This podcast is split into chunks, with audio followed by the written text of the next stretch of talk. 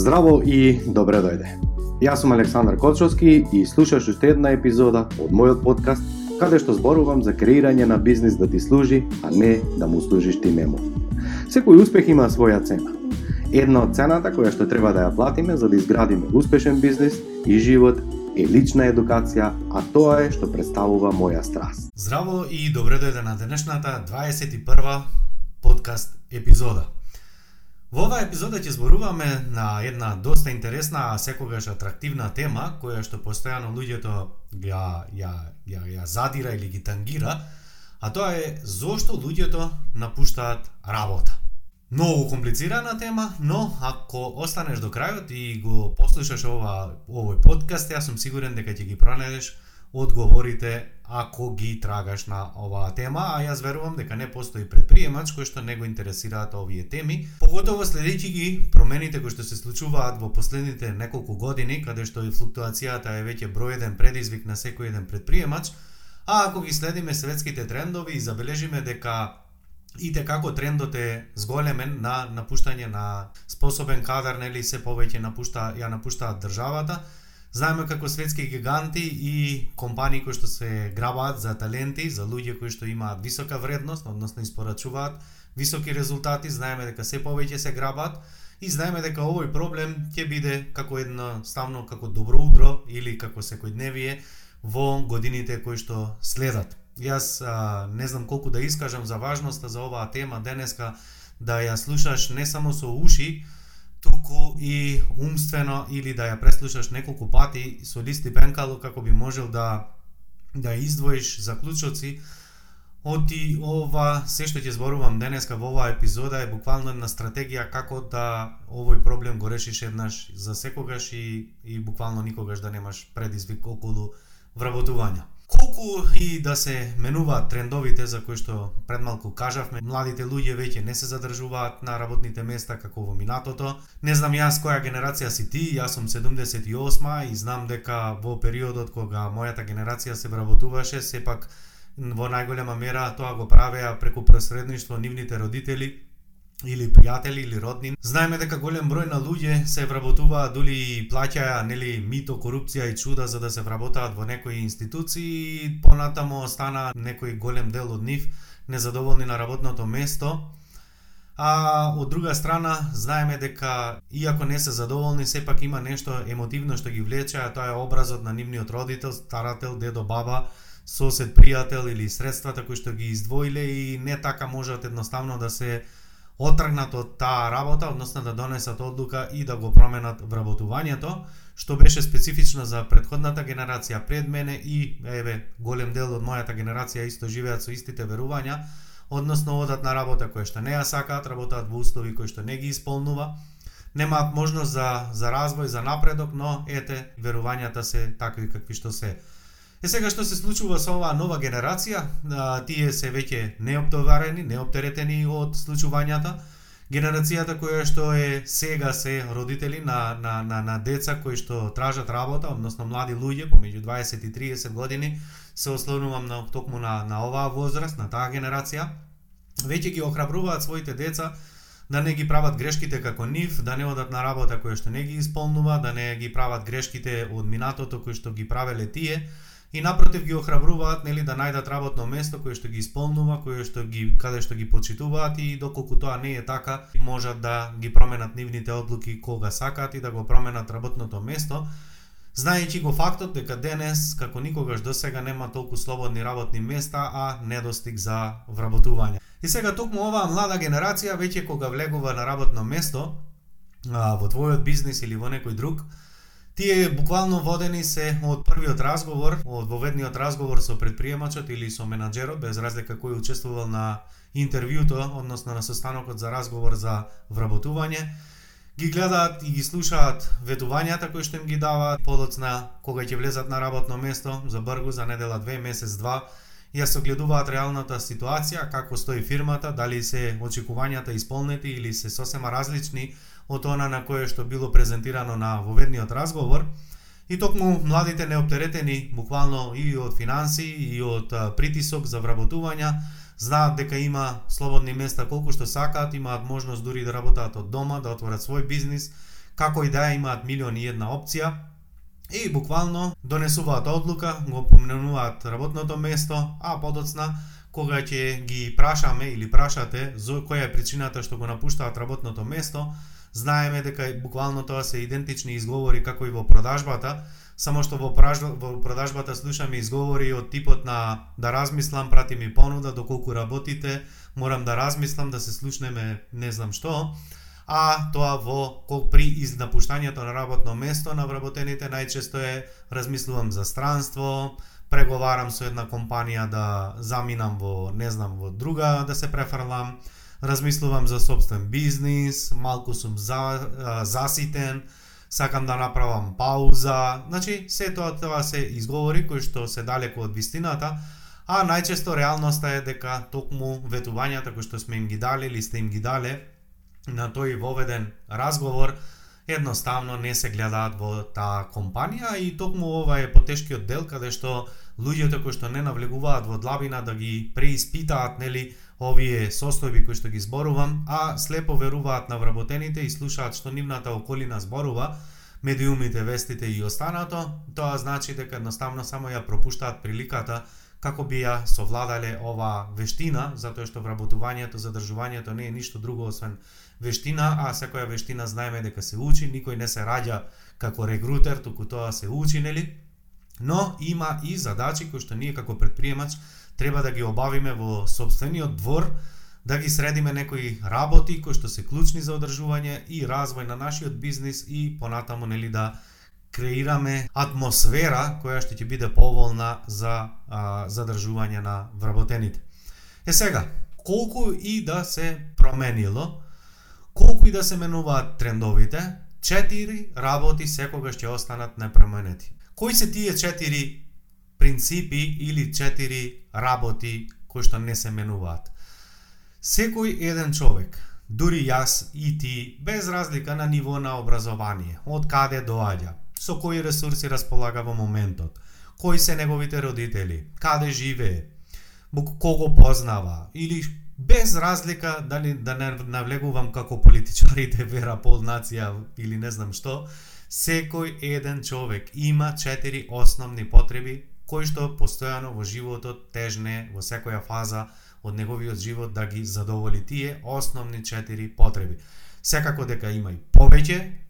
ако ги тргнеме буквално основните како потреба за воздух, за храна, за репродукција, за температура, односно за топлина, за кров над глава, нели? Ако ги тргнеме буквално оние кор основни, следните се четири се потреба за поврзување. Што е значи потврда потреба за поврзување? Човечки е за секој еден од нас. Буквално секој еден човек има потреба да се поврзе со други луѓе. Во моментот кога ние не се чувствуваме дека сме поврзани со некоја личност која што ни е блиска, која што е во нашиот видокруг, ние се чувствуваме отфрлени. Ова го забележувам буквално секој ден во секоја скоро компанија. Секако дека има исклучоци, но кога ќе зборуваме за однос на надреден и подреден, односно собственик, работодавец или работник, или зборуваме ако во компанијата има менаџерска структура, тој однос е на надреден подреден, односно менаџер и извршител, односно вработен, ако тука нема помеѓу нив синергија, ако нема чувство на поврзаност, на тој начин вработените се чувствуваат како отфрлени. Е сега, зошто е ова важно да го знаеме? Затоа што, ако самите вработени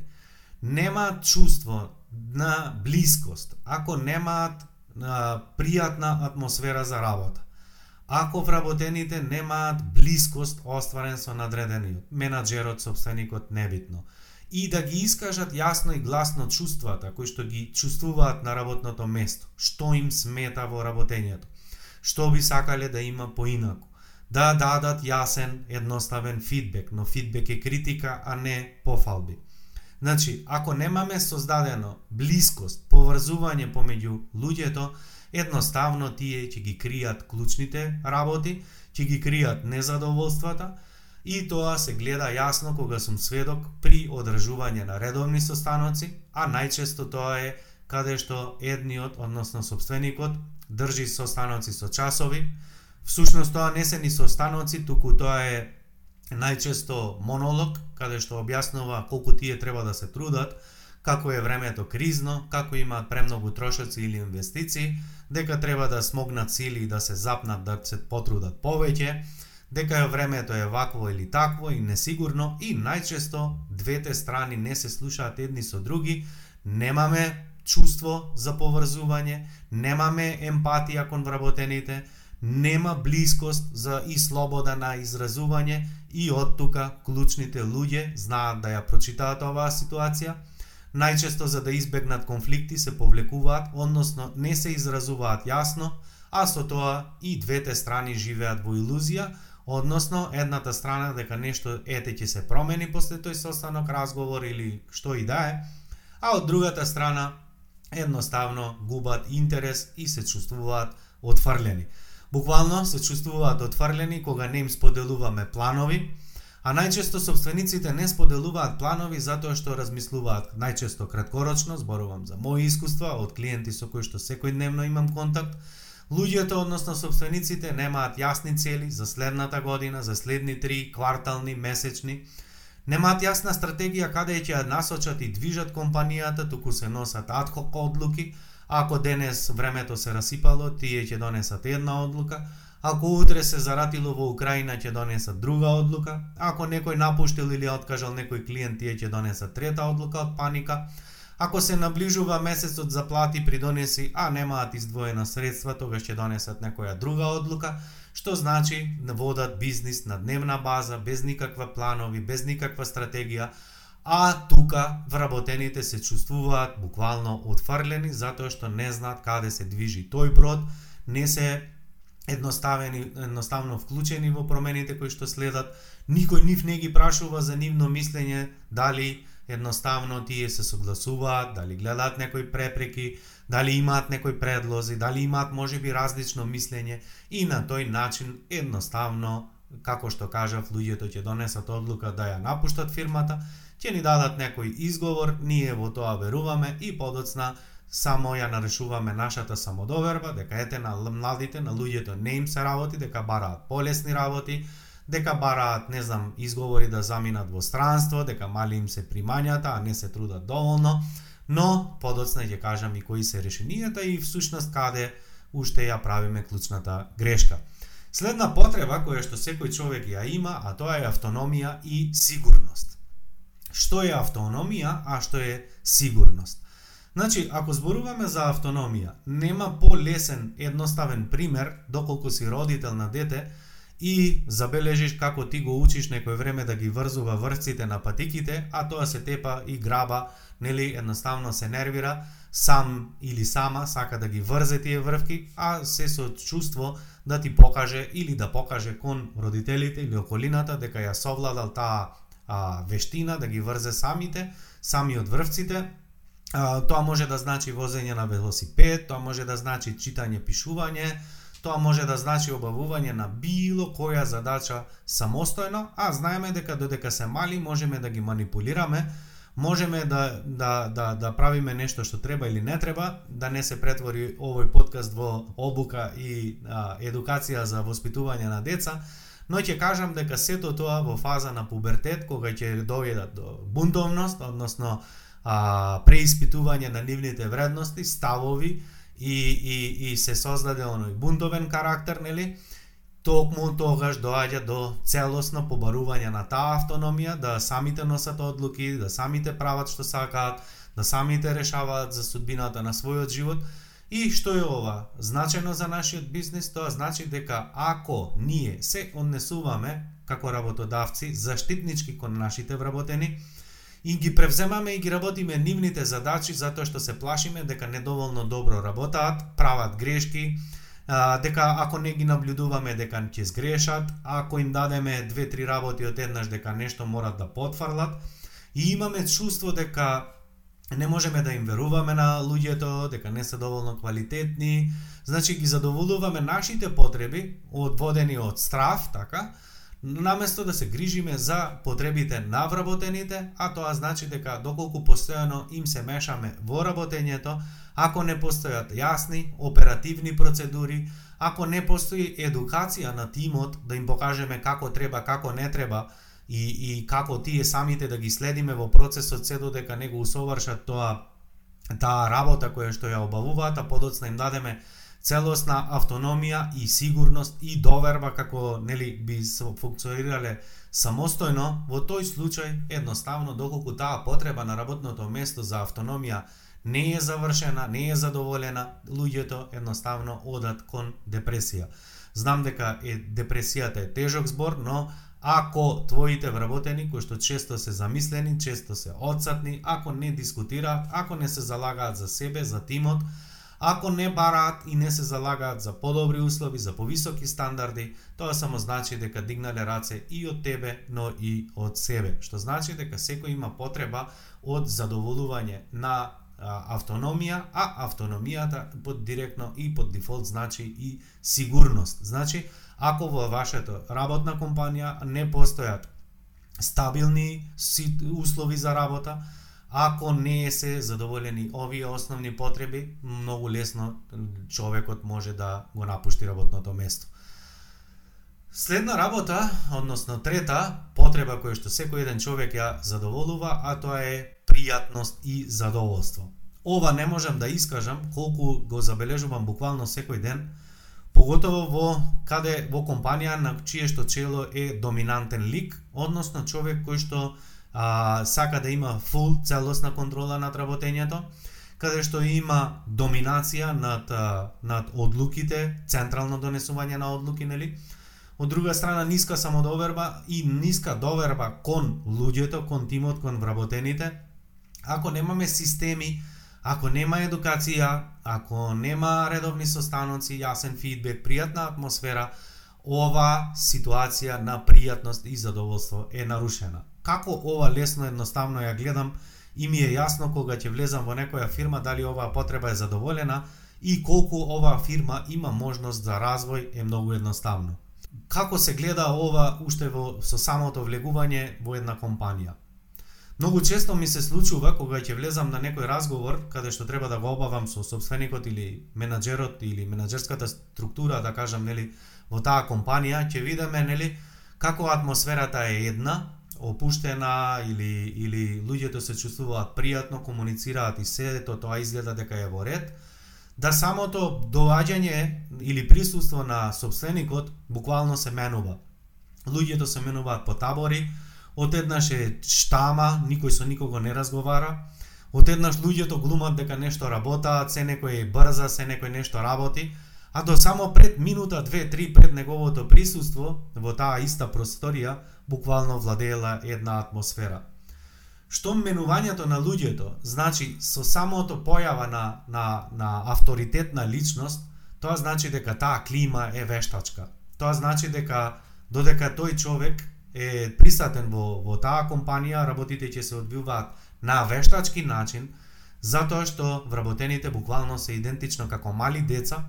И знаеме дека ако си родител на две деца, јас сум сигурен дека едното дете ти е бунтовно, односно напредно или како најчесто луѓето ќе велат нели дека е темпераментно, а другото е мирно, благо и повлечено, еве токму тоа за тоа зборувам. И универзумот или Господ, не знам во што веруваш, никогаш не прави грешки, секогаш дури еднојајчани да се близнаци па се во карактер сосема различни, Тоа се всушност приликите кои што ги пропуштаме да сватиме дека ни еден не е идентичен како нас и дека не е во ред да бидат сите луѓе како нас.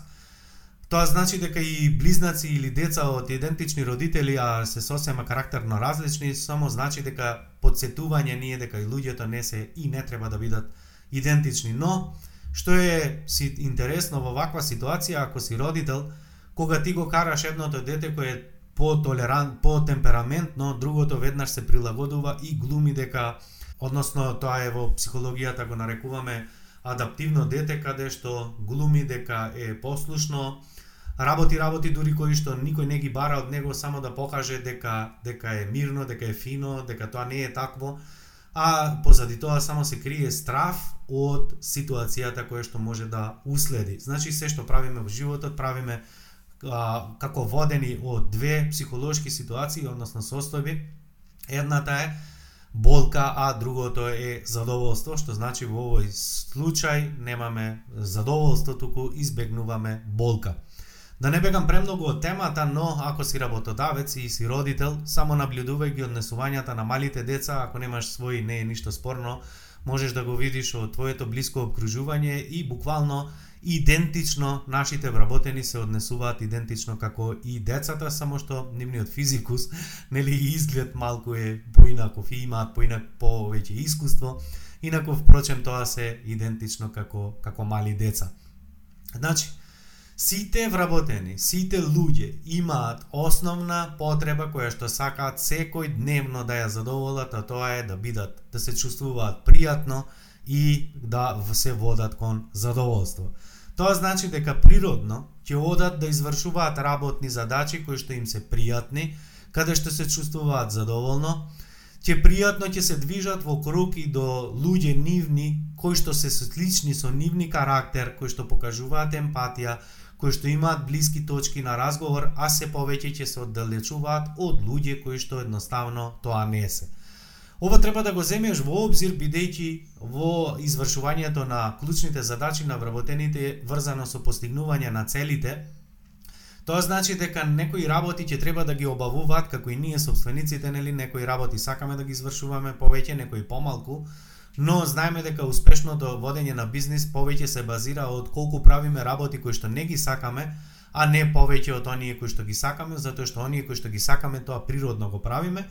но постојат и работи кои што не ги сакаме, а знаеме дека се клучни и важни, што влијаат и на продуктивност, и на ефективност, и на ефикасност, што значи дека а, треба да се погрижиме да видиме како да го следиме нивниот развој, да им ставиме до јасност кои клучни индикатори ќе ги мериме, ќе ги следиме како би им било јасно што се очекува од нив, кои се нивни клучни задачи кои што во текот на денот треба да ги обавуваат, на кој начин и што ќе биде потврда дека правилно ги извршиле тие задачи, да ги контролираме на нивна база, не во смисла како чувар некој на, не знам, крут, или или или некој војник каде што не знам или старешина каде што се грижи круто туку напротив, за да имаме алат, мирлив, каде што ќе им покажеме кои задачи ги добиваат и ги завршуваат одлично, а кои не, затоа што по природа и човечки е сосема нормално да некои работи ги сакаат повеќе, а некои помалку, и токму уште една прилика и ова е важно, колку е тоа при вработување да ги познаваме карактерните особини на луѓето, затоа што е многу поважно да ставиш прав човек на право место, отколку да имаш фантастичен човек поставен на грешно место, затоа што секој еден од нас има различни, да кажам, нели, афинитети, а, таленти и многу е важно дали ние човекот сме го вработиле и сме го поставиле на право место или се трудиме неговото работно место да го гурнеме во неговиот карактер што впрочем представува и за двете страни фрустрација. Значи не можеш некого да натераш да биде риба ако не знае да и ако не му е тоа негова природна средина. Следно и четврто и последно за денешната подкаст епизода, а тоа е потврда, односно потреба за признание. Најчесто луѓето овде прават две грешки. Или ги премногу ги критикуваат и забораваат најчесто при критика да кажат прво што е добро, туку веднаш одат да критикуваат и тоа е можеби окей, но секако дека постои можност за подобрување а од друга страна често пати даваат награди без јасна причина, без јасни критериуми и со тоа само ги збунуваат повеќе луѓето. Работодавците се повеќе викаат да им давам бонуси, од време на време ги наградувам, им давам, не знам, 100 евра, 200 плюс, и ги носам на ручек, и ги носам на тимбилдинг, тимбилдинг стана кафана еднакво, инаку и колку се трудат, а тие не ценат, не се трудат. И сега овде има многу една важна работа. Прва е тоа е дали даваме со очекување за возврат или даваме од што сакаме да дадеме. Тоа е една работа, нели? А од друга страна, ако следиме бизнис примери како би требало, а тоа е кога даваме награда, да кажеме точно и јасно зошто ја даваме таа награда, а кога некого казнуваме, затоа што и стапот има две страни, едната е казна, другата е награда, или ако зборуваме за емотивните состојби пред малку, едната страна е болка, другата е задоволство и тоа е ништо не правиме различно од освен родителството, каде што буквално имаме нели однос со децата, нели најпочеток се трудиме дека ќе ги наградиме доколку завршат една работа, научат песничка, научат математика или не знам се подготват за утре за училиште или што и да е и подоцна ако гледаме дека детето не ги извршува тие задачи, се обидуваме на сила, нели да или да му одземеме слобода, да му одземеме работи, и што значи се што правиме е ги учиме децата уште од мала возраст и ги носиме или кон болка или кон задоволство, Подоцна истите тие деца денес се вработени, денес и ти, ти си можеби кој што го слушаш идентично, исто собственик, кој што исто, нели, има образци кои што водат или кон болка или кон задоволство и тоа е несвесен научен образец кој што едноставно го имаме. Дали е добро или лошо, не е ниту добро, не е ниту лошо, туку само треба да го осознаеме. Значи, идентично што правиме со наградите и казните на работното место, Буквално исто ги водиме овие наши вработени кон болка или кон задоволство. Казна кон болка за утре да ја го поправат нивното однесување и би испорачувале подобри резултати, а кон задоволство како би испорачале уште повеќе од резултатите кои што до сега ги прават. И тоа е сосема легитимно. Но, каде е овде проблемот? Најголем проблем се случува каде што собствениците даваат награда без јасна, јасен критериум. А ова се должи на нејасни KPI или индикатори кои што ги мериме и следиме, кои што зборував пред малку, а наградата ја даваме врз основа на наша емотивна состојба. Значи, ако сме добиле клиент, сме направиле добар промет, месецов имаме добри резултати, ние сакаме природно да ги почастиме вработените и тоа не е ништо лошо, но тоа е за нешто што би требало да направиш дома, а не на работа. На работа, кога даваме награда, даваме врз база на испораката на нивните резултати, Тоа може би значело да добиен продажен разговор, тоа би можело извршување на работи во предвидено работно време,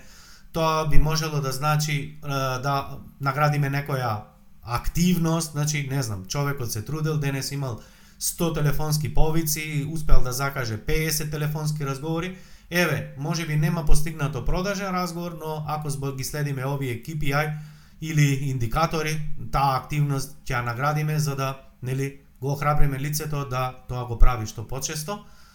А доколку го правиме врз база на емотивна состојба, каде што викаме, е, месецов имавме супер работа, па сакам да ве почестам, е, токму тамо праќаме порака на оние луѓе кои што не работаат врз база на процедурите и системите кои што сме ги креирале, некого охрабруваме дури уште повеќе да биде неработник, а оние вработените ги на некој начин ги потикнуваме да седнат и да размислат дали всушност ова е работно место кое што им одговара или не им одговара. И сега ако ги следеше внимателно сите овие четири работи, во ниту еден случај не споменав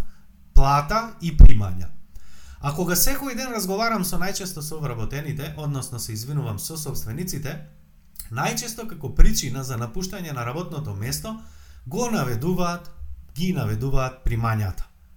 И тука не сакам да зборувам за борба за основна задоволување на основни потреби и борба со екзистенција, но ако во вашата компанија давате пристојна плата, да кажам, нели, еве, просечна македонска плата или нешто над под тука да се држиме до, до, до некоја, да кажеме, средна вредност, со при тоа да има можност за бонуси и за надградување, ова никако не смееш да го земеш во обзир дека луѓето во твојата компанија напуштаат затоа што имаат мали примања. Знам дека звучи абсурдно, но ова не го тврдам само јас, туку го тврди и Харвард, а го тврдат и Оксфорд, го тврдат и останатите а, престижни универзитети кои што долги години прават истражувања, каде што според тие истражувања примањата представуваат дури како седма причина, односно на се на седмо ниво, како причина за некој да даде отказ. Е сега, зошто најчесто луѓето зборуваат дека да заминуваат луѓето затоа што добиле ново работно место со поголеми примања, затоа што ова им е многу полесно да се оправда дека ете ние не сме виновни што напуштаат вработените, тоа не е под наша контрола, на тоа немаме влијание и на некој начин ние си ги оправдаме нашите верувања, со нас е се е во ред, ние нели сите работи сме ги завршиле, Па сега луѓето едноставно такви се напуштаат што да правиш, таква е ситуацијата и тоа е тоа. А реалноста е следна. И сега земи си листи пенкало затоа што ќе ти дадам неколку 4-5 прашања кои што сакам да си ги поставиш и да ја одговориш јасно на нив со да или не, дали ги имаш завршено или не и ќе видиш дали си ја завршил домашната задача и дали може би ти си причината зашто напуштаат и имаш флуктуација на работно место и дали тешко доаѓаш до вработени или пак е одговорот до вработените. Океј, ајде, може би е и така, но ајде да видиме што е до твоја до твоја контрола. Јас секогаш а, ја застапувам она превземање на 100% на одговорност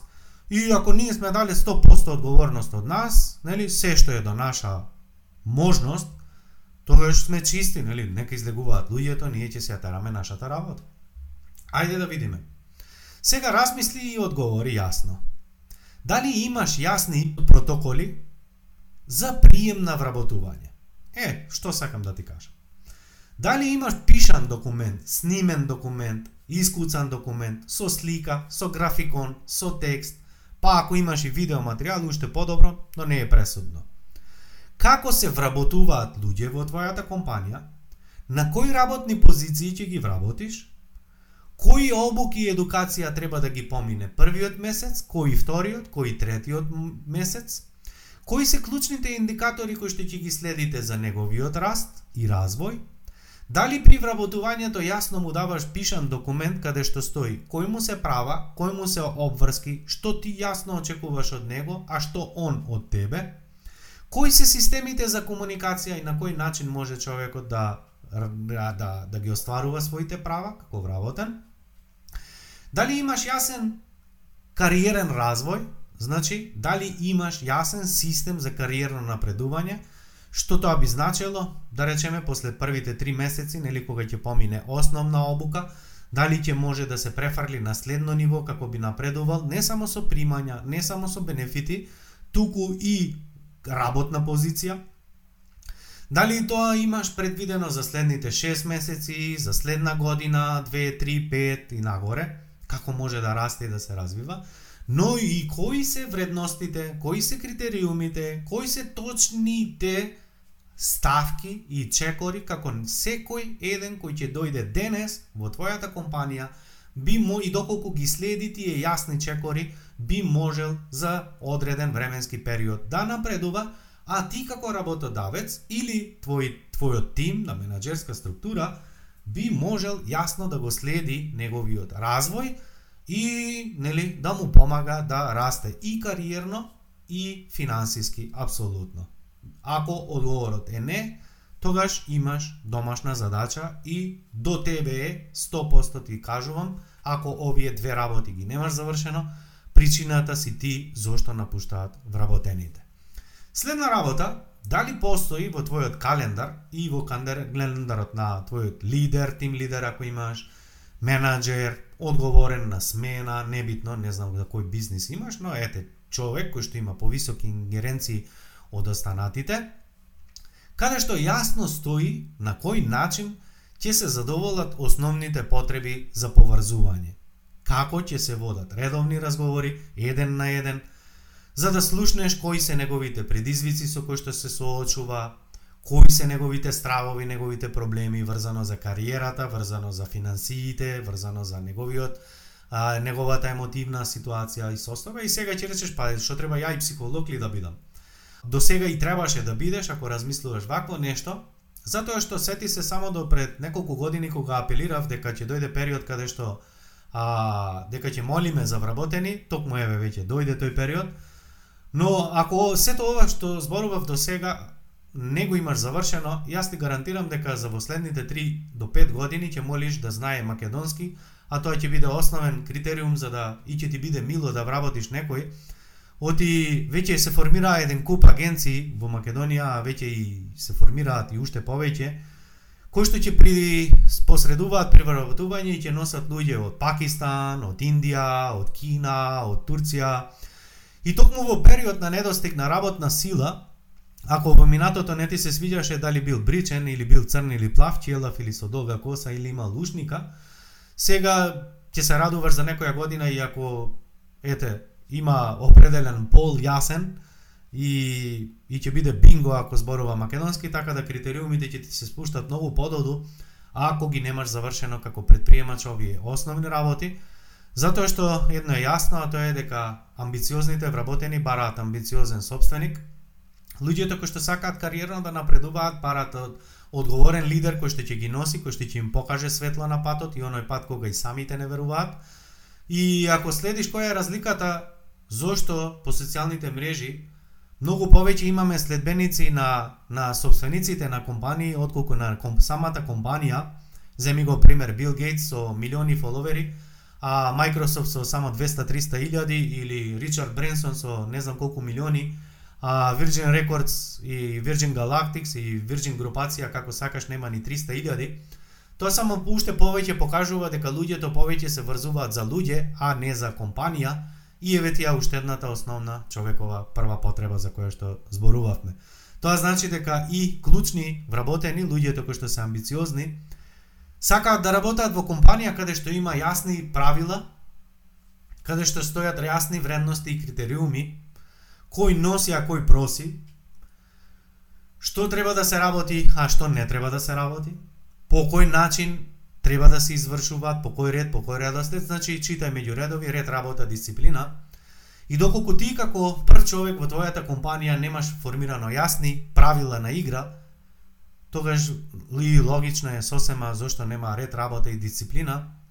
И тогаш не знам зошто би очекувал другите луѓе да се променат. И впрочем како да знаат они што треба да променат во нив и кај себе и како да испорачаат подобри резултати ако едноставно не постојат ниту правила на игра и не постојат јасни критериуми по кои треба да се водат. Значи не можеме да обвинуваме некого ако ние не сме му покажале што значи не сме ја завршиле добро задачата. Следна работа која што треба да ја дадеш одговор на прашањето е колку работи кои што се повторуваат можеш да ги систематизираш и им дадеш поголема автономија на луѓето. Значи, дали имаш креирано системи, односно стандардни оперативни процедури, каде што луѓето би знаеле јасно што е нивна работа, како ти си замислил тоа да го обават, при тоа и да научат доколку нема потреба, доколку има потреба и да се подобруваат, дали имаш јасно